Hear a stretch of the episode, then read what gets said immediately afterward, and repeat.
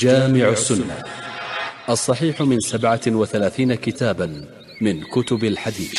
كتاب يحوي جميع ما في البخاري ومسلم وما صح خارجهما من دون تكرار. مذيلا بشرح الغريب وتعليقات لكبار أئمة المسلمين. إعداد وتقديم فضيلة الشيخ الدكتور عبد العزيز بن عبد الرحمن المقحم الهندسة الصوتية عثمان الجويبر تنفيذ فهد أبن إبراهيم السنيدي. السلام عليكم ورحمة الله وبركاته. كتاب ذكر رسول الله صلى الله عليه وسلم. أخرج البخاري ومسلم عن جبير بن مطعم أن رسول الله صلى الله عليه وسلم قال لي خمسة أسماء. أنا محمد وأنا أحمد وأنا الماحي الذي يمحو الله بي الكفر وأنا الحاشر الذي يحشر الناس على عقبي. وفي رواية على قدمي وأنا العاقب الذي ليس بعده نبي. زاد مسلم وقد سماه الله رؤوفا رحيما. حيثما قلت وفي رواية أو هذا لفظ البخاري ولمسلم كذا أو هذه رواية مسلم وللبخاري كذا أو نحو ذلك من الإحالات عليهما أو على غيرهما فالقائل هو الإمام الحافظ ابن الأثير رحمه الله. في كتابه جامع الأصول وحيثما شرحت الغريب أو نقلت كلاما لأحد الشراح أو ذكرت اختلاف الروايات فإنما أنا ناقل عنه أو عن النووي أو ابن حجر وعن غيرهم قليلا رحم الله الجميع. قوله قدمي روي بتخفيف الياء على الإفراد وتشديدها على التثنية ومعناه يحشرون على أثري وزمان نبوتي وليس بعدي نبي. وقيل معناه يتبعونني. وأخرج مسلم عن أبي موسى قال كان رسول الله صلى الله عليه وسلم يسمي لنا نفسه أسماء فقال أنا محمد وأحمد والمقفي والحاشر ونبي التوبة ونبي الرحمة. المقفي الذاهب المولي فكأن المعنى أنه آخر الأنبياء عليه وعليهم صلوات الله وسلامه ما تعقب الليل والنهار. وأخرج البخاري عن أبي هريرة أن رسول الله صلى الله عليه وسلم قال ألا تعجبون كيف يصرف الله عني شتم قريش ولعنهم؟ يشتمون مذمما ويلعنون مذمما وأنا محمد. وأخرج البخاري ومسلم عن أنس قال كان رسول الله صلى الله عليه وسلم يوما يمشي بالبقيع فسمع قائلا يقول يا أبا القاسم فرد رأسه إليه فقال الرجل يا رسول الله إني لم أعنك وإنما دعوت فلانا. فقال رسول الله صلى الله عليه وسلم تسموا باسمي ولا تكنوا بكنيتي. البقيع مقبرة أهل المدينة. وأخرج مسلم عن واثلة بن الأسقع قال سمعت رسول الله صلى الله عليه وسلم يقول ان الله اصطفى كنانه من ولد اسماعيل واصطفى قريشا من كنانه واصطفى من قريش بني هاشم واصطفاني من بني هاشم.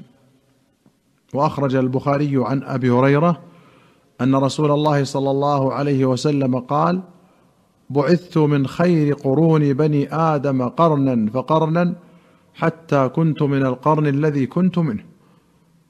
وأخرج البخاري عن كليب بن وائل قال قلت لزينب بنت أبي سلمة هل كان رسول الله صلى الله عليه وسلم من مضر؟ قالت ممن كان إلا من مضر من بني النضر بن كنانة.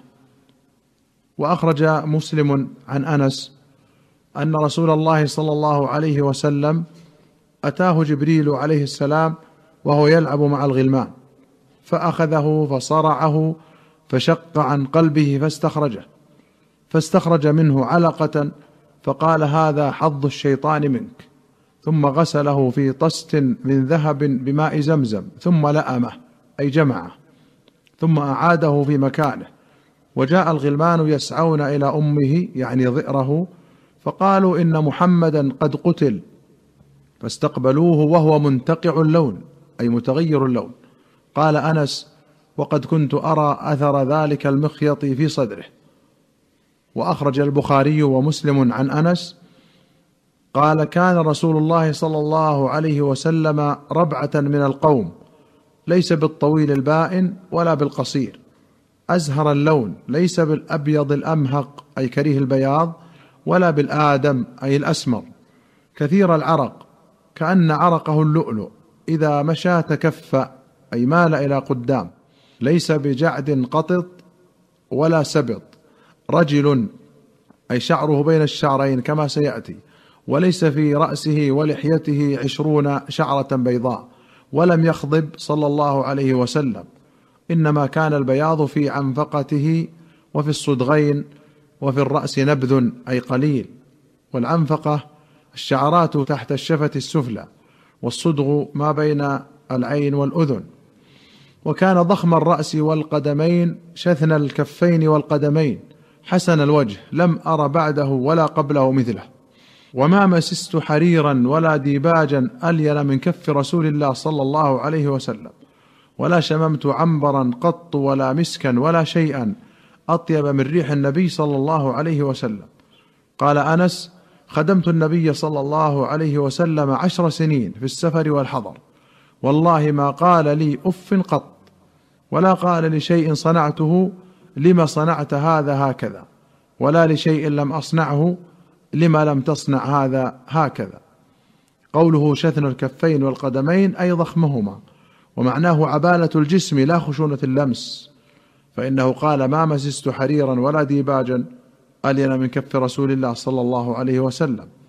وأخرج الشيخان عن قتادة قال سألت انسا عن شعر رسول الله صلى الله عليه وسلم. فقال شعر بين شعرين لا رجل ولا جعد قطط كان بين أذنيه وعاتقه.